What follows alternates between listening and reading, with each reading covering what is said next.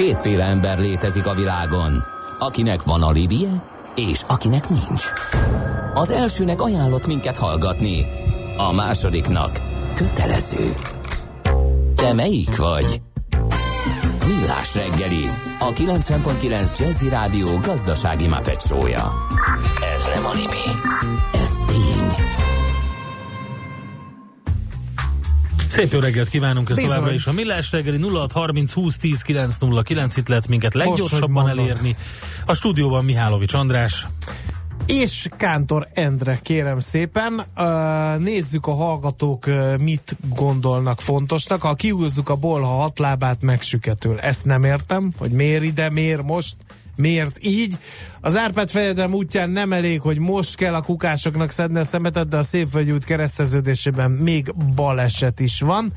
Aztán a Hunyadi János úton a Szavolyánál és a Hajó utcánál is mérnek, utóbbi helyen kifelé lehet is haladni, ezért érdemes odafigyelni illetve nem hallak benneteket technikai fennforgások miatt, de lélekben veletek, vagyok, veletek vagyok. A Ferihegyén befelé, ha nem lennének lámpák, egész suhanós lenne. Kitűnően lassítják a közlekedési lámpák a forgalmat arra felé, írja Paja.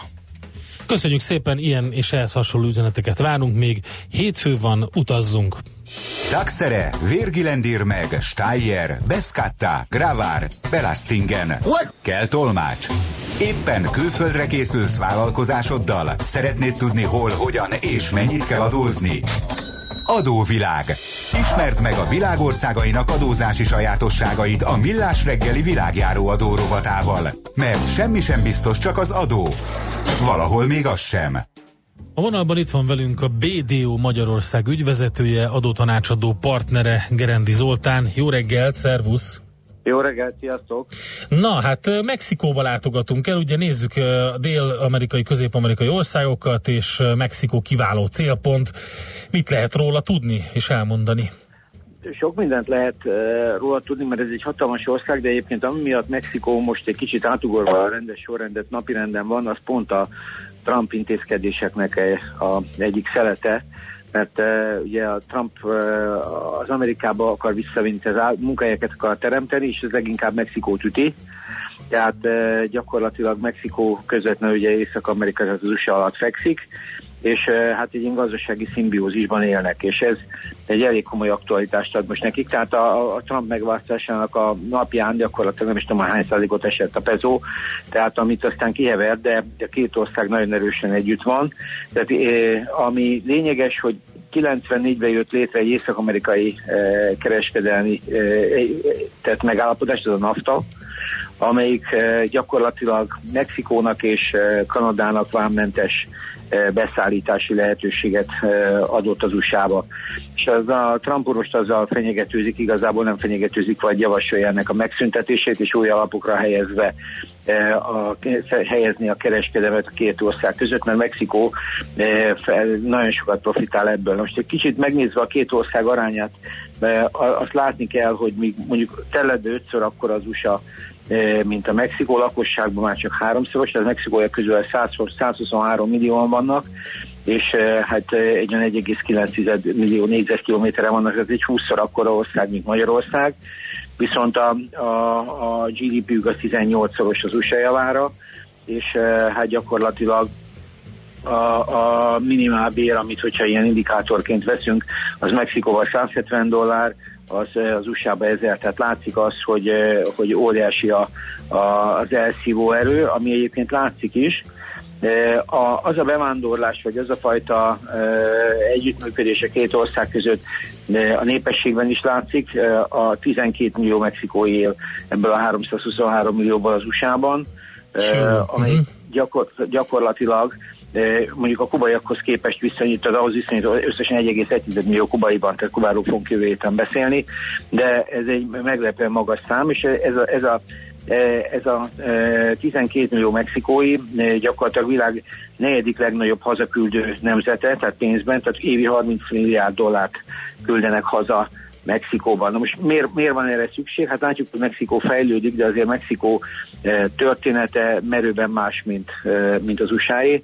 Tehát most nem csak itt az indián történetek szintjére visszamenve, de ők 1521-ben, tehát Amerika előtt ők már jóval léteztek, 1521-ben Cortez gyakorlatilag meghódította ezt az országot, Corteznek baromi váltia volt utólag visszatekintve, mert 500 emberre érkezett, és akkor a mexikóiak nem tudom, hát több 10 millióan voltak, tehát azt hiszem max. Igen, de, de sokkolta őket a lovak látványa de, például, igen. meg, meg a, ebben a sztoriban az az érdekes, hogy, egy, hogy kihasználták a belső ellentéteit annak a birodalomnak, tehát Cortez módszeresen kereste azokat a törzseket, amelyek utálják a, a, ez, ez igaz. És így aztán elég a, nagy serege volt végül. Á, igen, de volt, volt, volt ott még egy dolog, ami, ami, ami ennél sokkal keményebb volt, és azt mondják, hogy az volt igazából a, a, a, a majáknak a, a veszte, a, az a himlő. Tehát igen hogy, hogy körülbelül a lakosság fele, tehát uh, himlőben kipusztult. Tehát a, a spanyolok nem csak uh, a lovakat hozták meg ezeket, hanem hozták az összes betegséget, amire ők nem voltak immunisak. Európa meg már akkoriban azért ebben valamennyire gyakorlott volt. Tehát a lényeg az, hogy, hogy, hogy ők, ők spanyol gyarmatú voltak, 1821-től függetlenek, és onnantól kezdődött az ő uh, úgymond önállóságuk, de az ő önállóságuk azért egy, egy kicsit bonyolultabb történet, mert ez egy hatalmas ország. Tehát gyakorlatilag azt lehet látni, hogy a hossza majdnem 3200 kilométer, a hegyei 5000 méter fölöttiek, abból van legalább négy hegy, ami ennél, ennél 5000 méter fölötti. Maga a főváros is 2000 méter fölött van, tehát ugye a magyar focinak híres eseményei fűződnek ez a területhez. Ez minden sportolónak rémálma ez a magaslati levegő. Tehát minden esetben egy nagyon változatos klímájú ország, ásványi kincsekben is viszonylag gazdag, de amiben egyértelműen gazdag, és azt szerintem a spanyolok is elég jól látták, az az ezüst. Tehát Mexikó a világ legnagyobb ezüst kitermelője. Tehát ez egy nagyon érdekes dolog. Annak ellenére, hogy, hogy, hogy ezüst és ilyen színes fémei vannak, vasérce viszonylag kevés van, és szén is éppen, hogy tehát ilyen Emiatt nem egy annyira erősen iparosodott ország, majd fogjuk látni, hogy ez milyen irányba ment, és akkor adójogilag is látjuk, hogy merre mozdulnak. Ami viszont érdekes, hogy mezőgazdaságban szintén halatlanul erősek, a világ első számú avokádó és citromtermelői, a e, második számú papaja, és ahogy láttam, ilyen csili, meg ilyen pepperoni termelő, és harmadik narancs és bab termelői. Tehát úgy látszik, hogy Mexikó nem nem kis, nem kis erőt képvisel jó egy pár piacon, de azért azt hozzá kell tenni, hogy így is gyakorlatilag messze-messze Amerika árnyékában vannak. Na most ami, ami az ő adórendszerüket illeti, az azt lehet mondani, hogy ők annak ellenére, hogy az OECD átlag, átlagának a felét produkálják, tehát az össze a GDP-hez viszonyított adóterük az 17 százalék, miközben az OECD átlag 34, az adókulcsaik magasak. Tehát gyakorlatilag van nekik áfájuk, ami szokatlan, mert Amerika a sales tax-et működtet, tehát rövid annyi a különbség az áfa az gyakorlatilag a gazdaságot teljes egészében átfogja, és a, míg a sales tax az általában csak a végfogyasztó felé történő értékesítést adóztatja, mind a kettő, tehát a, az áfa jobban elterjedt talán költségvetés okok miatt, de az úgy meglepő, hogy, meglepő, hogy Észak-Amerika alatt, ahol ez nincsen, hogy gyakorlatilag egy ilyen áfarendszert üzemeltetnek 16%-kal. A társasági adójuk az 30%, de ezt azért szerintem olyan szabad, nem szabad annyira komolyan venni, mert fogjuk látni, hogy e, e, vannak az IMEX e, társaságok, amelyek eszköz vagy költség alapon adóztatják. Ezek olyan társaságok, amelyek kizárólag feldolgozást végeznek, és ez az, ami Mexikónak igazából a gazdasági rugója, hogy sikeresen betelepítették, hát a, a gyakorlatilag a, a amerikai autógyártás minden, a nagy szereplője jelen van, de azt lehet mondani, hogy az amerikai ipar összes nagy szereplője Mexikóban valamilyen szinten jelen van. Hát ezért ugye az erőfeszítés, amit az elején láttuk, hogy próbálják vissza e, szívni, vagy legalábbis egyesek szerint ez lehetetlen, de legalább valahol ezt a mexikói súlyt egy kicsit csökkenteni, mert eh, ez Amerikára nézve, ha csak szigorúan mondjuk az USA-t nézzük, akkor értelmezhető akár károsan is, mert ugye amerikai munkahelyeket visznek el a kedvező bérstruktúra miatt délre. Most a személyi jövedelmadójuk is eh, viszonylag magas, 35 százalék, de úgy tűnik, hogy valószínűleg nagyon sokan ilyen minimálbér alatti szinten vannak, és emiatt gyakorlatilag nem nagyon fizetnek adót, és azért az átlag adóterhük viszonylag alacsony. Tehát nagyjából ennyit lehet Mexikóról elmondani uh-huh. gazdaságilag. Vártam, vártam, hogy a fekete gazdaságról szót ejteszem, mert nagyon brutálul nyomják ott egyes városokban a, a tudatmódosító szerek kis és nagy kereskedelmét de hát ez ugye egy olyan szelet a gazdaságnak, amely ilyet még így becsülni is elég. Hát ez az adóztatás körül nem... nem meg az adózásukban persze ez nem, igen. De, de tény, hogy Mexikó, Mexikó egy nagyon speciális terület, egy nagyon, nagyon régi ország, tehát nagyon ősi társadalom, de gyakorlatilag most nagyon úgy néz ki, hogy és nagyon erősek, tehát Közép-Amerikának meghatározó, tehát e, ipar, de gazdasága, egyébként ők világviszonylatban is már jól mérhetőek, tehát Észak-Amerikában tehát a, a világ GDP-nek másfél százalékát adják, tehát mondjuk őket összevetve egy Oroszország picivel nagyobb, tehát azért lehet látni, hogy Mexikó nem kicsi, egyáltalán nem kicsi. E, a, tehát mondjuk Mexikó City önmagában jöve is egy 20 milliós város. Tehát e, ez egy nagyon komoly, de biztos, hogy rengeteg probléma van, nagyon nagyok az egyenlőtlenségek, azt látjuk, hogy a leggazdagabbak, ez a Carlos Slim Eh, az eh, amerikai, észak-amerikai vércével is egy nagyon meghatározó szereplő, de én ahogy láttam, legalább 31 milliárd dollár fölötti eh, vagyonnal rendelkező mexikói létezik. Tehát gyakorlatilag azért ez az ország, ez köszönjük szépen jól van erős, Kíváncsiak, hogy a Trump féle intézkedések mit hoznak. Igen. Hát ott van már eleve egy hatázára, pont amiatt, amit te mondasz, hogy ne tudják átvinni a, a, a drogokat se, és így tovább, de én úgy látom, hogy a bevándorlás is egy komoly probléma. Szóval ez a, a, ez a 10, 12 millió Mexikói Amerikában sok. Egyébként, ami nagyon érdekes, hogy néztem statisztikákat, hogy 1920-ban ez az ország 14 millió lakossal működött. 1970-ben már 50 millióan voltak, és az elmúlt gyakorlatilag közel 50 évben több mint megduplázódott a lakosság. Szóval én nem tudom, mit csinálnak ők ott, de azért ez a népességnövekedés de az elég attraktív. Hát jó kis zenéjük van, finom csoki, úgyhogy... Nagyon jó a konyhájuk igen, is Jó a konyha, igen. és esténként pedig nem tévéznek szerintem. Hát azért, de akkor így Magyarország se áll rossz jó előtt. Igen, ugye, igen, így, igen. Így, így, akkor mi is egy ilyen... Mert lehet, hogy jobb az idő, nem tudom. Ne, ne, igen, lehet, nehéz, nehéz ezt megállapítani. Vagy az is lehet, hogy köze van a, ahhoz, hogy jók a lehetőségek Amerikába, csak egy kerítést kell átugrani. Lehet. Na hát ennyi, ennyit gondoltam, hogy meg Oké, okay, oké. Okay. Szóval Nagyon szépen voltál. köszönjük. Megyünk Nagyon tovább. Szívesen. Köszönjük szépen, Zoli. Sziasztok. Szervusz. Gerendi Zoltánnal beszéltünk a BDO Magyarország ügyvezetőjével, adótanácsadó partnerével. Megyünk tovább adóvilág rovatunkban, Mexikó a célországunk.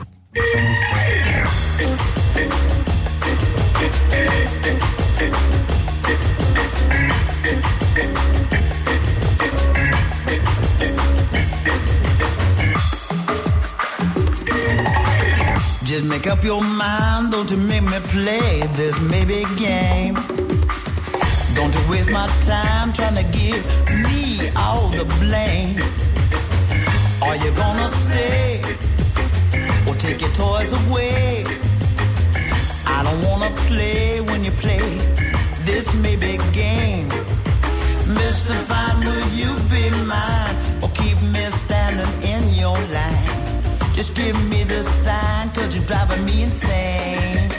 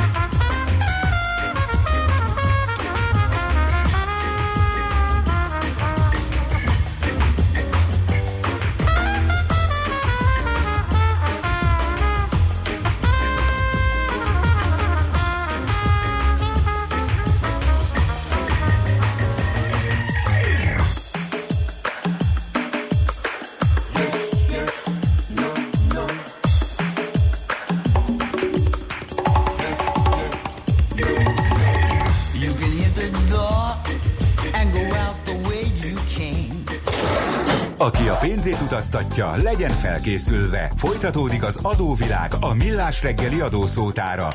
Érdekességek, adózási szokások, geopolitikai helyzetkép. És a vonalban itt van velünk dr. Feledi Botond, külpolitikai szakértő. Jó reggelt kívánunk, szervusz! Sziasztok, jó reggelt kívánok!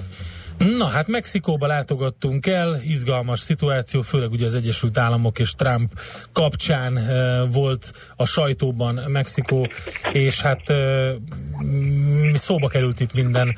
Voltak e, egészen pikírt pillanatai is ennek az egész kerítésépítésnek, valamikor Mexikó ajánlotta fel, hogy besegít. Így van, így van, így van. Tehát az egyik nagy téma az a fal volt az amerikai-mexikói kapcsolatokban. Nem ennyire egyoldalú szerencsére ez a történet. Tehát van, van gazdasági vonal, ami nagyon erős, elképesztő mennyiségű befektetés érkezik, a mexikói kereskedelemnek, exportnak még mindig 80%-a az usa zajlik.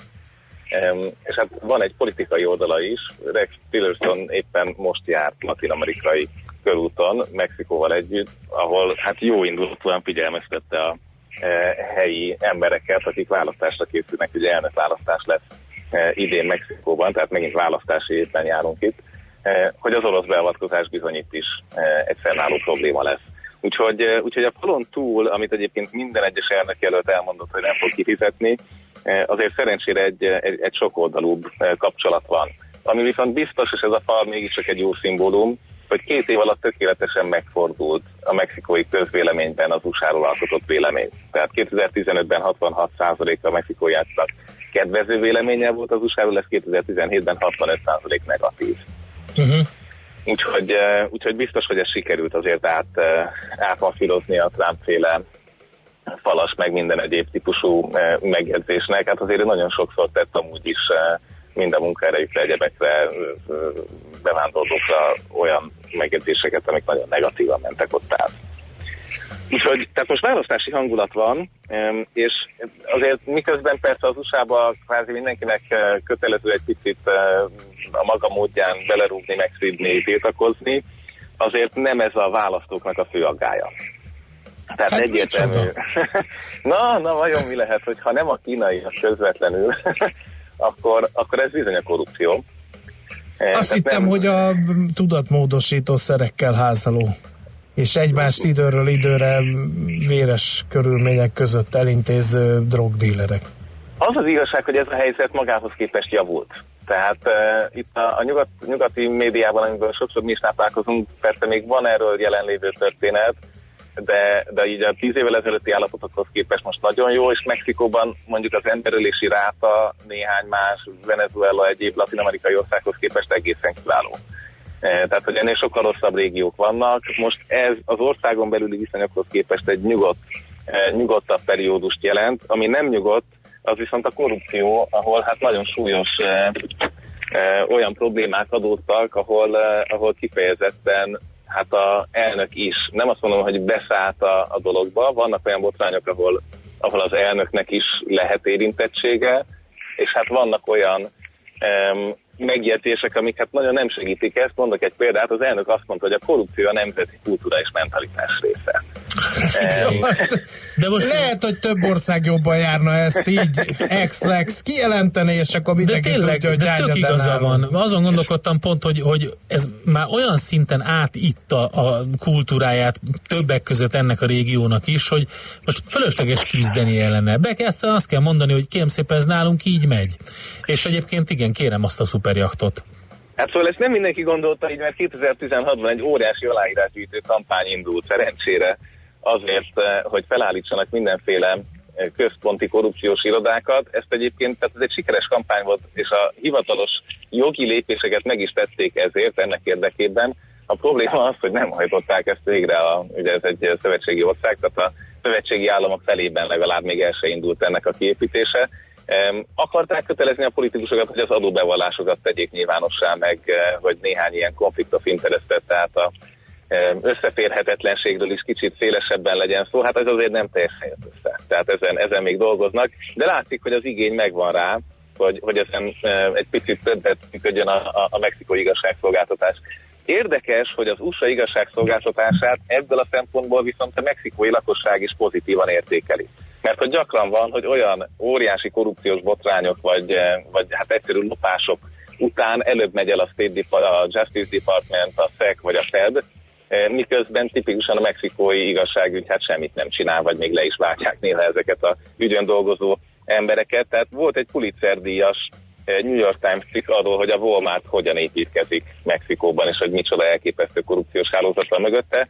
Hát ezzel aztán kizárólag az amerikai igazságügy foglalkozott, tehát végül nem sikerült Mexikón belül közreműködni, és volt olyan rész is, amikor egy ilyen egészen durva banki névsorral rendelkező építkezési projekt az, ahol kiderült, hogy a házak, amiket elvileg felépítettek, és amire felvették a, a banki befektetőktől a közel 3 milliárd dollárt, hogy hát szatellitfotókon nem látszottak ezek a házak.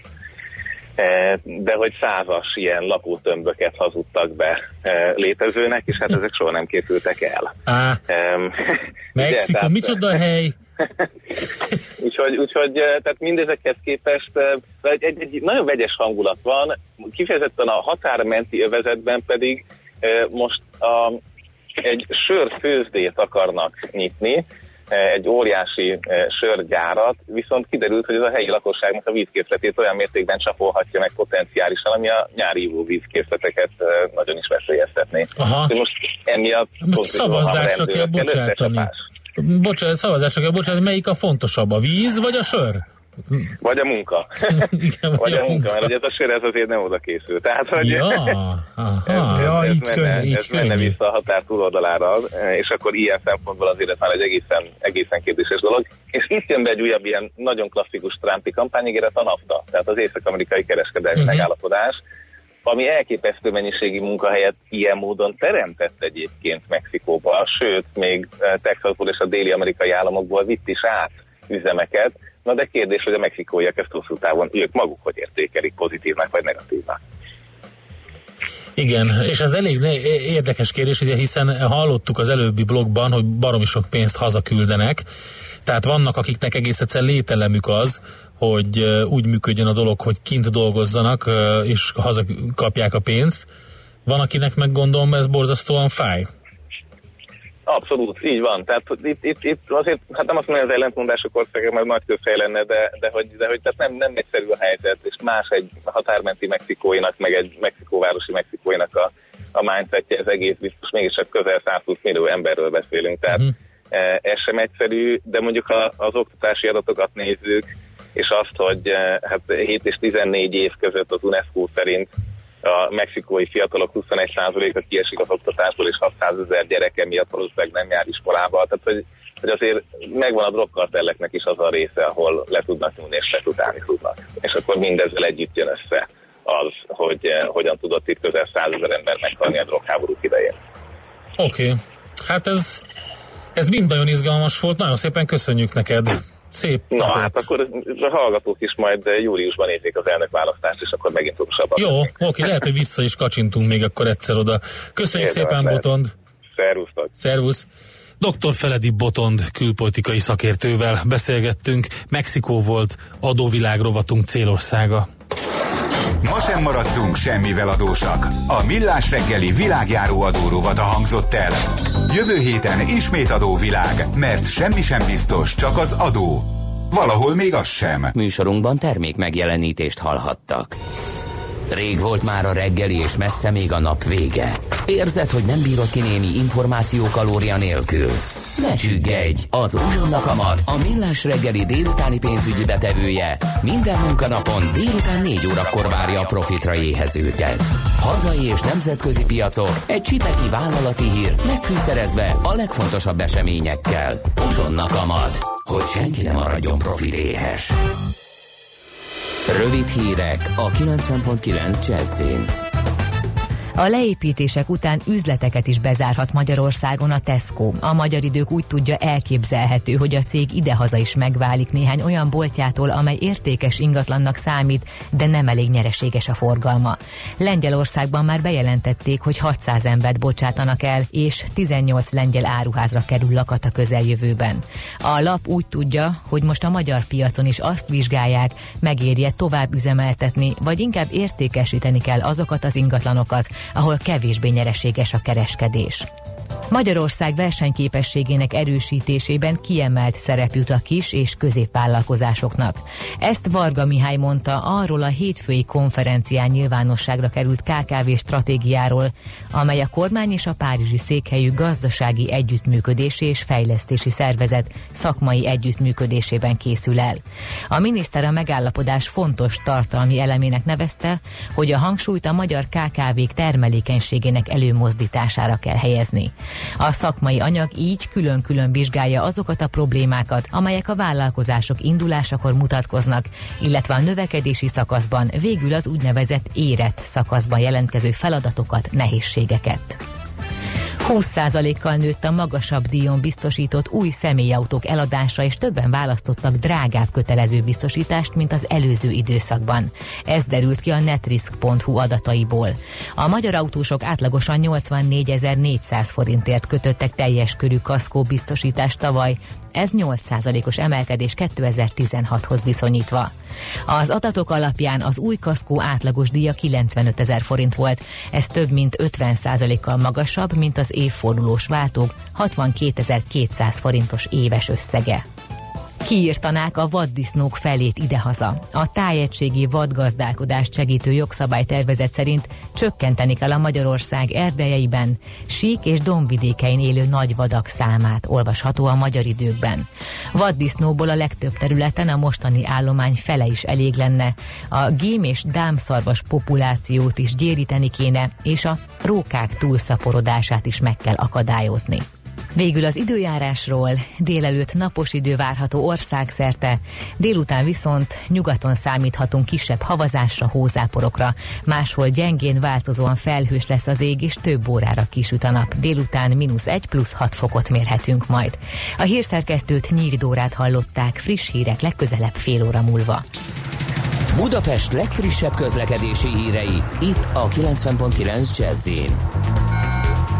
jó reggelt kívánok! A fővárosban változatlanul pótlóbusz közlekedik a 12M és a 14M villamos helyett Újpest központ és Rákospalota Újpest vasútállomás között baleset miatt. Egy korábbi baleset miatt torlódásra számíthatnak a Vaspálya utcában a Liget irányában.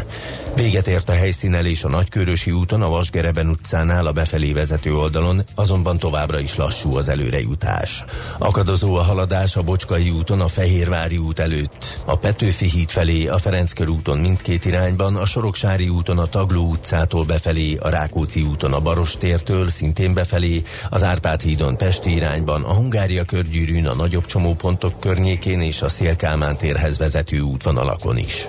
Lassú az előrejutás az M 3 as bevezető szakaszon a Szerencs utca és a kacsó úti felüljáró előtt, a Jászberényi úton az Éles sarok előtt, a Pesti úton pedig a befelé vezető oldalon.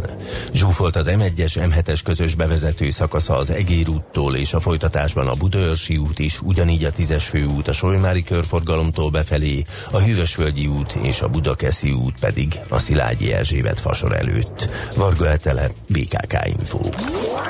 A hírek után már is folytatódik a millás reggeli. Itt a 90.9 jazz Következő műsorunkban termék megjelenítést hallhatnak.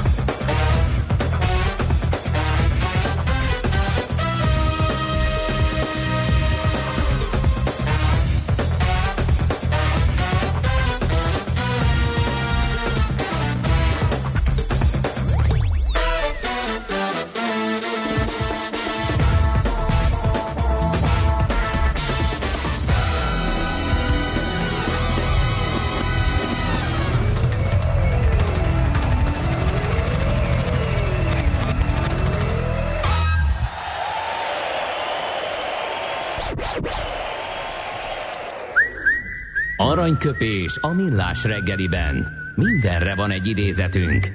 Ez megspórolja az eredeti gondolatokat. De nem mind arany, ami fényli. Lehet kedvező körülmények közt gyémánt is. Gyermekkorom egyik kedvenc írója, Nagy Lajos, a Képtelen Természetrajz című könyvét legalább 15-ször átolvastam, rongyosra forgattam, óriásiakat röhögtem rajta, imádtam ezt a fura, szikár humorát Nagy Lajosnak. Író, publicista, újságíró volt ő egyébként, és, és 1883-ban született ezen a napon. Hát figyelj, ott volt a könyvespolcon nálunk, és ezt a, például ezt az idézetet, amit most aranyköpésnek választottunk tőle, is ö, onnan vettem.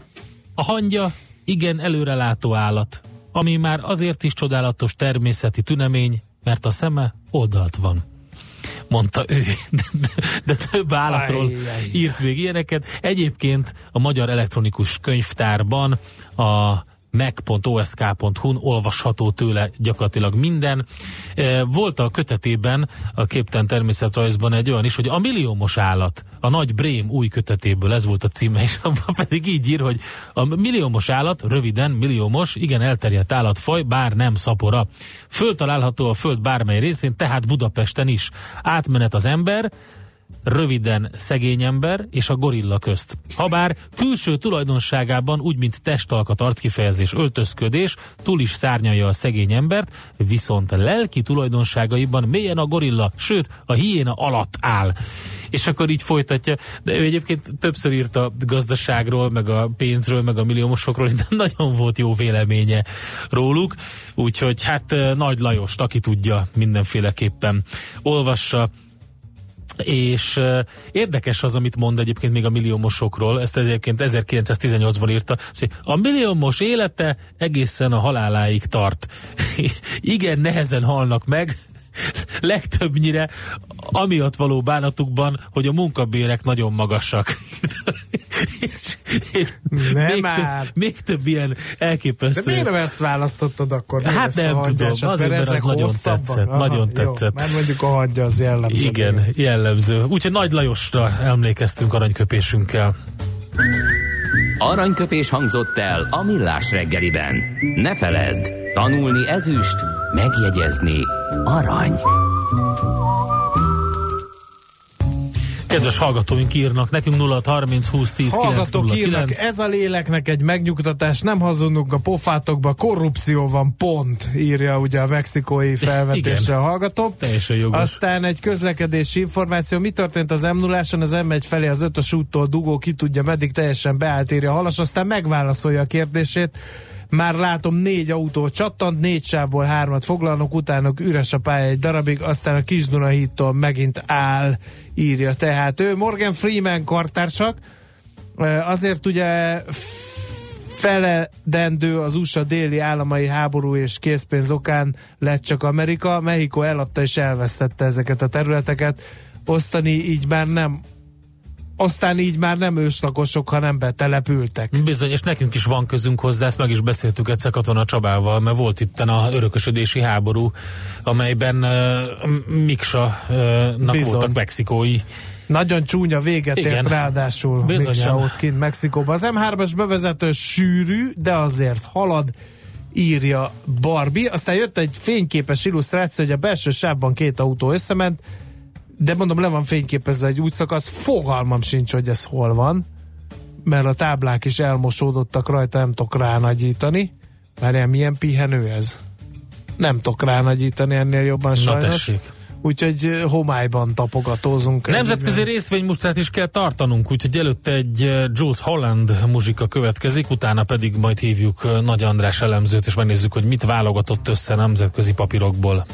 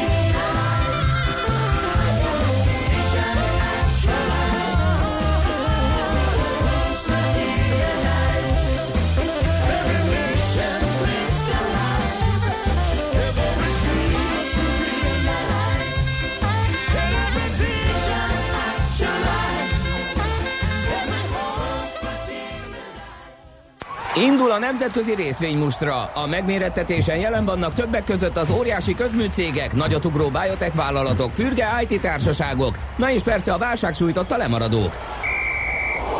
Az esélyekről szakértőinket kérdezzük. Kapcsoljuk a stúdiót. Nagy András elemző a vonalban, az Erste befektetési ZRT elemzője. Szervusz! Jó reggelt, sziasztok! Na nézzük akkor a Ryanair-t, mi történik vele. Ryanairnek eredménye volt ma reggel, hogy ők üzleti szempontból a harmadik negyedéves eredményt tették most közzé. Ugye a, fap, a légitársaságoknál, illetve a fapozós légitársaságoknál gyakori az, hogy az üzleti év, illetve a naptári év az így el van ö, csúszva egy kicsit. Ugye jellemzően inkább a nyártól számítják ők az üzleti évet. Hát mert az Ezért- a fő szezon. Mert, mert az a fő szezon így van, és hogy az első fél éves számok mindig nagyon csillivillik és nagyon jók legyenek. Ebből következik az, hogy a Ryanair most harmadik negyedéves számokat közölt, annak ellenére, hogy ugye naptári te, naptár tekintetében negyedik negyedéves eredményt ö, zártunk. Egyébként egy pozitív eredményről tudott beszámolni a Ryanair, annak ellenére is, hogy év végén azért többször is ö, voltak sztrájkok a légitársaságnál, ami néhá, némelyik hónapban kedvezőtlenül befolyásolta az utas forgalomnak az alakulását. Ennek ellenére azt lehet mondani, hogy az árbevétel az 1,4 milliárd euró lett. Ez egyébként a piaci elemzői várakozásnak a felső éle volt, tehát itt egy pozitív meglepetésről tudunk beszámolni. Ez egyébként egy 4%-os növekedést jelent év per év alapon. Eredmény tekintetében pedig 106 millió euróról számolt be a Ryanair. Tavaly ugyanekkor 95 millió eurót ö, tudott a Ryanair felmutatni, ehhez képest egy 12%-os növekedésről beszélünk, és nagyjából ez a 95 milliót várta a piac, ö, tehát azt lehet mondani, hogy körülbelül egy 10 millió euróval sikerült meglepni a, a piacot a Ryanairnek. Ami nagyon erős volt egyébként az az, hogy a kiegészítő szolgáltatásoknak az árbevétele az év per év alapon 12%-kal tudott növekedni. Az ugye nem derül ki, hogy itt a sokat vitatott ültetési politika az ebben közrejátszik-e. Ugye nem régi a hír, hogy Nagy-Britanniában elkezdték vizsgálni a Ryanairnek azt a gyakorlatát, hogy megvádolták azzal, hogy szétülteti direkt, amikor az ember vesz mondjuk kettő darab jegyet, és nem foglal melléje helyet, akkor, hogy szándékos-e az, hogy a Ryanair a repülőjáratnak a két külön végébe ülteti azt a kettő szemét, vagy csak ez egy véletlennek az eredménye. Ugye nem tudni, hogy ez ö, politika például mennyire járult hozzá itt a például a helyfoglalásoknak a, a növekedéséhez.